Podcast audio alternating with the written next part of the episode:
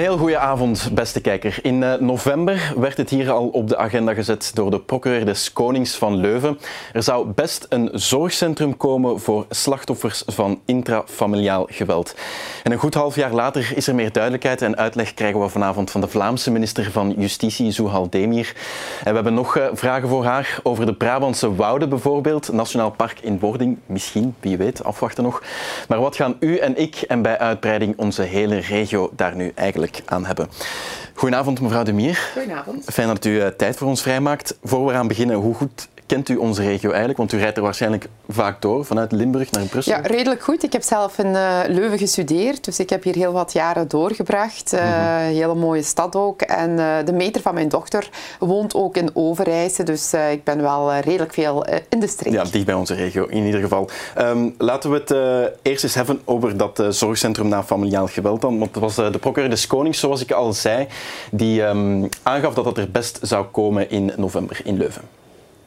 Ik vrees dat er uh, heel wat, uh, wat leed uh, binnen vier muren bestaat waar wij toch nog geen, geen kennis van hebben, omdat men niet durft aangifte te doen. Ja, en wat zou u dan doen om die drempel te, te verlagen, om mensen sneller naar justitie te trekken? Wel, dus zo'n zorgcentrum is, is, een, is een, een hele professionele aanpak voor een, een bepaald type van, van criminaliteit. En het is niet uit te sluiten dat dat uh, model gevolgd wordt, ook voor andere soorten van criminaliteit. Ik denk maar aan het intrafamiliaal geweld. Op dit moment is daar nog geen, uh, zijn die plannen nog niet concreet en er is nee, nog maar u zou het uh, graag zien komen in Ik denk in dat, dat, dat dat een professionele aanpak is en dat we vaststellen dat dat de aangiftes kan doen toenemen. Mevrouw De Mier, wanneer gaat dat er nu komen? Want dit was van november, we zijn juni ondertussen. Ja, wij zijn uh, eigenlijk wel al uh, jaar, twee jaar in voorbereiding om mm -hmm. die Family Justice Center uh, op te richten. We hebben in Limburg en in Antwerpen, Mech Mechelen ja. en ook de Kempen hebben er een viertal. En we weten eigenlijk dat er achter heel veel voordeuren heel wat verborgen leed schuil gaat. Ja, en wanneer zou het er nu komen in, in Leuven dan? Ja, en, de bedoeling is dat wij twee, zo, allee, twee Family Justice Center zouden hebben. Allee, eigenlijk in hoofdcentrum in Leuven. Mm -hmm. uh, en dat zou voor een oktober zijn. En dan ook nog een antenne, omdat we het laagdrempelig willen houden in Aarschot. Ja, en waar precies in Leuven komt dat? In Leuven zou het komen op uh, de site waar dat justitiehuis vandaag de dag ook al ja, aanwezig is. Nobelstraat, ja, de, de Zeven Tuinen. en de bedoeling is dat daar heel die hulpverlening, die inderdaad zeer professioneel is, maar ook politie, justitieassistenten, hulpverlening, allemaal mm -hmm. onder één dak, om ook inderdaad het signaal te geven aan slachtoffers, doe een melding, omdat wij vandaag de dag weten dat er al gemiddeld 35 incidenten moeten zijn tegen dat een slachtoffer durft de stap te zetten ah, ja. om hulp te gaan roepen. En, en is die locatie dan de beste locatie? Want het zorgcentrum na seksueel geweld zit aan het UZ Leuven, waar je ook meteen letsels kan onderzoeken. Zou dat niet logischer zijn geweest om het ook daar te zetten? Uh, de zorgcentra uh, na seksueel geweld heb ik destijds ook als staatssecretaris mm -hmm. opgericht. Uh, toen was het heel logisch dat we zeiden, we gaan dat aan een ziekenhuis doen, omdat je vaak met ja, verkrachtingen ook te maken hebt. Ja. Die, die medische, de forensische verpleegkundigen is daar, staat daar eigenlijk centraal. Maar is dat bij dit dan anders? Bij intrafamiliaal geweld gaat dat vaak over zeer acute ja, gezinssituaties, waar dat eigenlijk de bedoeling is om om die eerste zorg, die eerste hulp zo snel mogelijk uh, te kunnen dienen.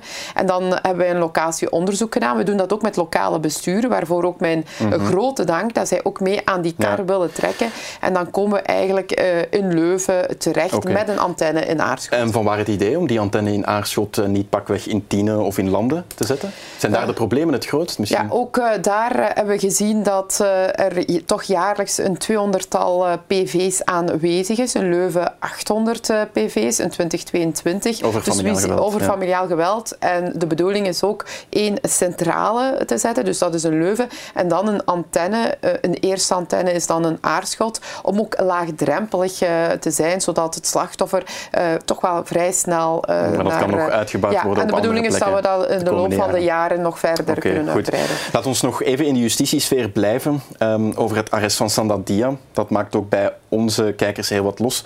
Wat vindt u eigenlijk als Vlaams minister van Justitie en Handhaving over de hele discussie over die werkstraffen? Zijn ze ook te laag, vindt u? Uh, ik uh, heb Allee, ik wil eerst en vooral zeggen dat natuurlijk de, de dood van Santa door benen en merg gaat. Mhm. En ik denk dat ik dat wel namens heel veel mensen kan zeggen.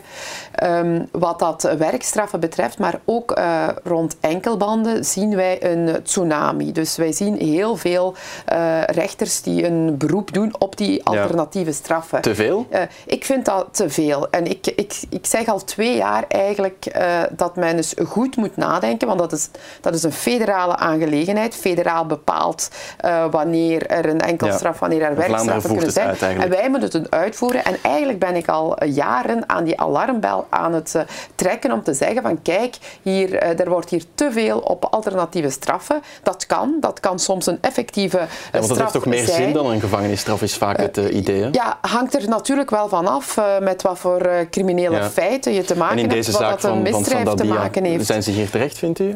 Um, ja, ik, eh, het is moeilijk aan mij natuurlijk om daar een uitspraak over te doen, maar uh, ik vind sowieso dat uh, een werkstraf, dat we goed moeten nadenken wanneer dan je werkstraf geeft. En, ja, ik Hier vind was als, het niet passend. Ik vind als er, als je, als er een, een, een, een kind gestorven is, dan vind ik het...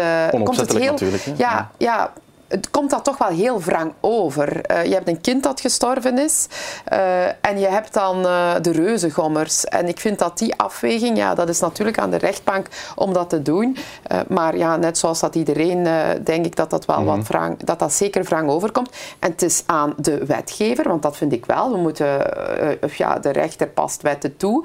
Maar zoals ik altijd heb gezegd, enkelbanden en werkstraffen, ik vind dat federaal, dat we die straffen dus goed moeten gaan bekijken wanneer geef je eigenlijk en dat, niet uitsluiten. Ja. Bijvoorbeeld ja. voor enkelbanden, ik vind dat voor krachters, uh, uh, dat uh, tienerpooiers, mm -hmm. drugsdealers geen ja. enkelband mogen krijgen. Want, want gisteren las ik ook nog dat u het jeugddelinquentierecht een beetje op punt gaat stellen, dat u daar eigenlijk ook naar die strengere straffen gaat. Ouders kunnen een werkstraf opgelegd krijgen, maar u wilt ook jongeren sneller uit handen kunnen geven.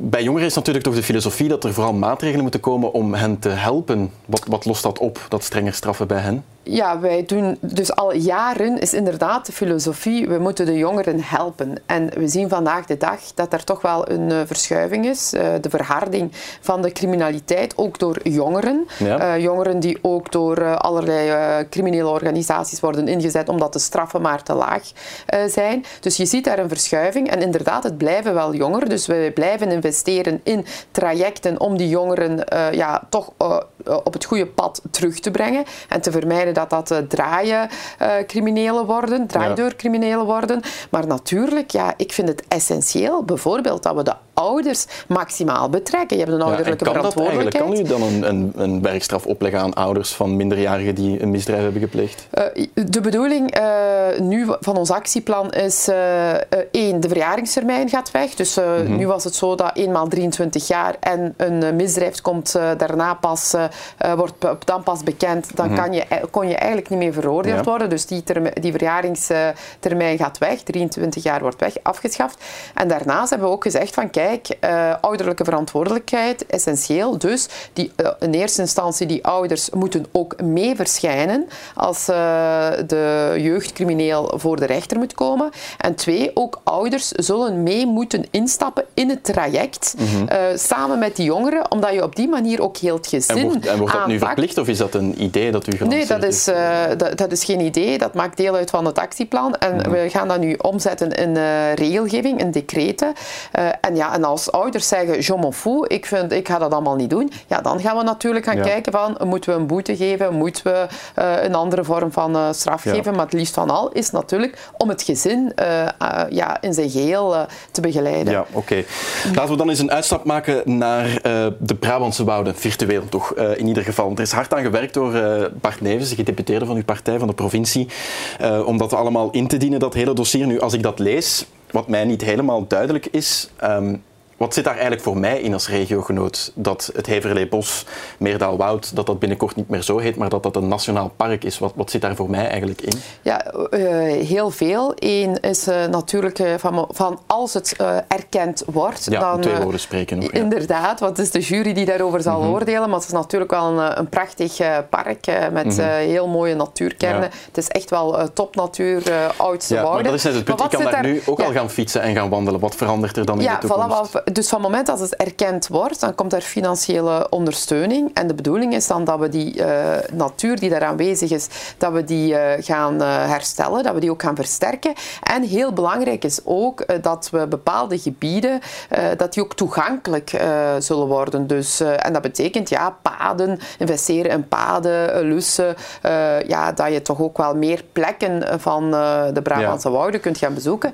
en daarnaast, ja, en daarnaast natuurlijk ook wel uh, ja, die internationale uitstraling. Uh, de bedoeling is om dat ook mee te nemen in ons toeristisch beleid, ja. Vlaams toerisme. Dat vraag me ook af, is dat berekend eigenlijk? Want dat wordt inderdaad vaak gezegd, ja, het kan heel veel opleveren voor toerisme. Er komen misschien hotels bij, meer bezoekers, maar weten we dat eigenlijk? Of is dat een hoop dat dat er, Ja, we weten dat. Uh, in Limburg hebben wij een Nationaal Park Hoge Kempen. Uh, we weten dat daar jaarlijks 1,2 miljoen bezoekers uh, komen. Mm -hmm. we hebben ook gezien dat daar heel wat B&B's aanwezig ja. zijn, restaurants, de horeca. Maar de vraag is, dus gaat, dat, gaat dat hier in Oost-Brabant hetzelfde zijn? Want in Limburg is er misschien gewoon meer plek om ook een Ter Hills Resort, een soort van centerparks erbij te zetten. Ik zie niet, niet echt in waar dat in Oost-Brabant er dan nog kan bijgezet worden. Ja, ik zeg niet dat daar gigantische hotels of zo moeten bijgezet worden. Mm -hmm dat is in Limburg ook minder het geval. Het is meestal die kleinschaligheid, uh, waar dat ook vaak uh, ja, mensen die willen wandelen, komen genieten van, een, van onze bossen,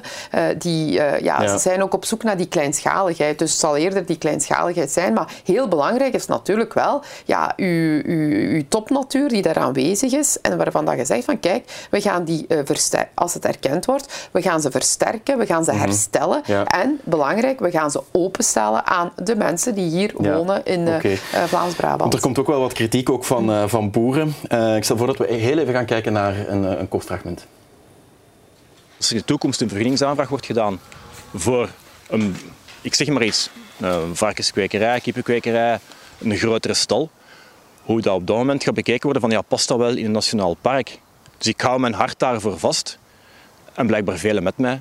Bijvoorbeeld kalmthout, uh, de gemeente Kalmthout die, die, die geeft zijn naam aan, aan het Nationaal Park Kalmthoutse Heide, ligt er centraal in. En de voorbije twee weken zeggen die van kijk, we voelen ons te veel gepusht. Uh, het, het, voelt niet goed aan, uh, we stappen eruit of we gaan, of we gaan het toch even on hold zetten. Ja, dan, dat gevoel heb ik eigenlijk ook. Het is precies van te moeten. Ja. U heeft al wel eens aangegeven dat de boeren eigenlijk niets moeten vrezen en er zullen geen negatieve gevolgen zijn. Ik vraag me dan wel af, als je ook naar het stikstofverhaal kijkt. Milieunormen veranderen nu eenmaal hè, over mhm. jaren, decennia heen. Kan u dat echt garanderen dat er op termijn geen negatieve gevolgen zullen zijn?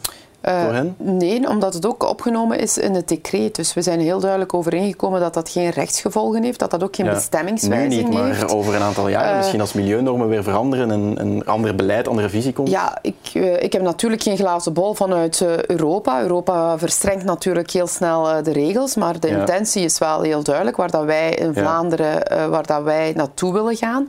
En gaat u dat dan ook mee opvolgen? Want het is één ding natuurlijk om te zeggen, er zullen geen negatieve gevolgen zijn. Is dan aan een boer om zelf maar te te zeggen, of aan een ondernemer, ik voel toch negatieve gevolgen, ik moet dan gaan procederen, naar de rechtbank gaan, tijd, geld? Of gaat de overheid dat ook zelf mee in de gaten houden? Uh, ja, ik hoop vooral dat ze niet gaan procederen. En ik hoop ook dat heel veel uh, landbouwers, uh, dat zij ook wel de meerwaarde van zo'n mm -hmm. zo'n park willen zien. En Vlaanderen is helaas niet groot, dus wij mm -hmm. moeten wel leven met en natuur en landbouw en economie. En dat ja. zal altijd wat naast elkaar moeten ja, leven.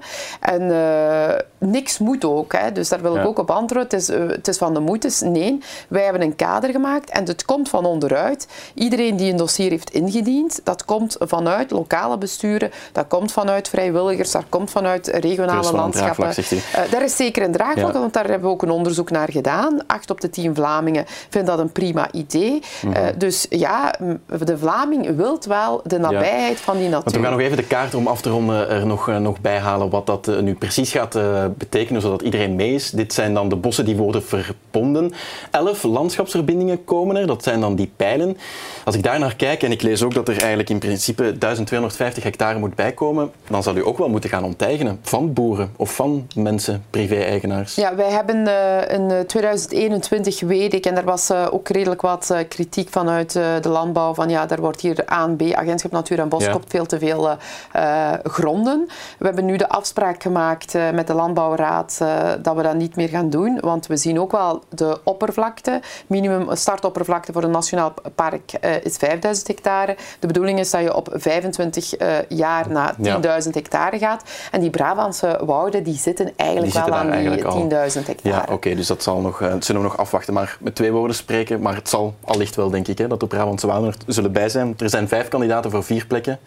En zo'n park dicht bij Brussel, het zal het wel worden, denk ik. Het is, het is een heel mooi park, ja. maar het is natuurlijk aan de jury die ja. in alle onafhankelijkheid uh, het uh, dossier zal okay. oordelen. Maar het is een sterk dossier. Alright, dat nemen we alvast mee. Mevrouw De Mier, dank u wel voor uw komst naar de studio. Graag gedaan. En u thuis, bedankt voor het kijken. Volgende week zijn we uiteraard opnieuw vaste afspraak op donderdagavond. Tot dan. Dag.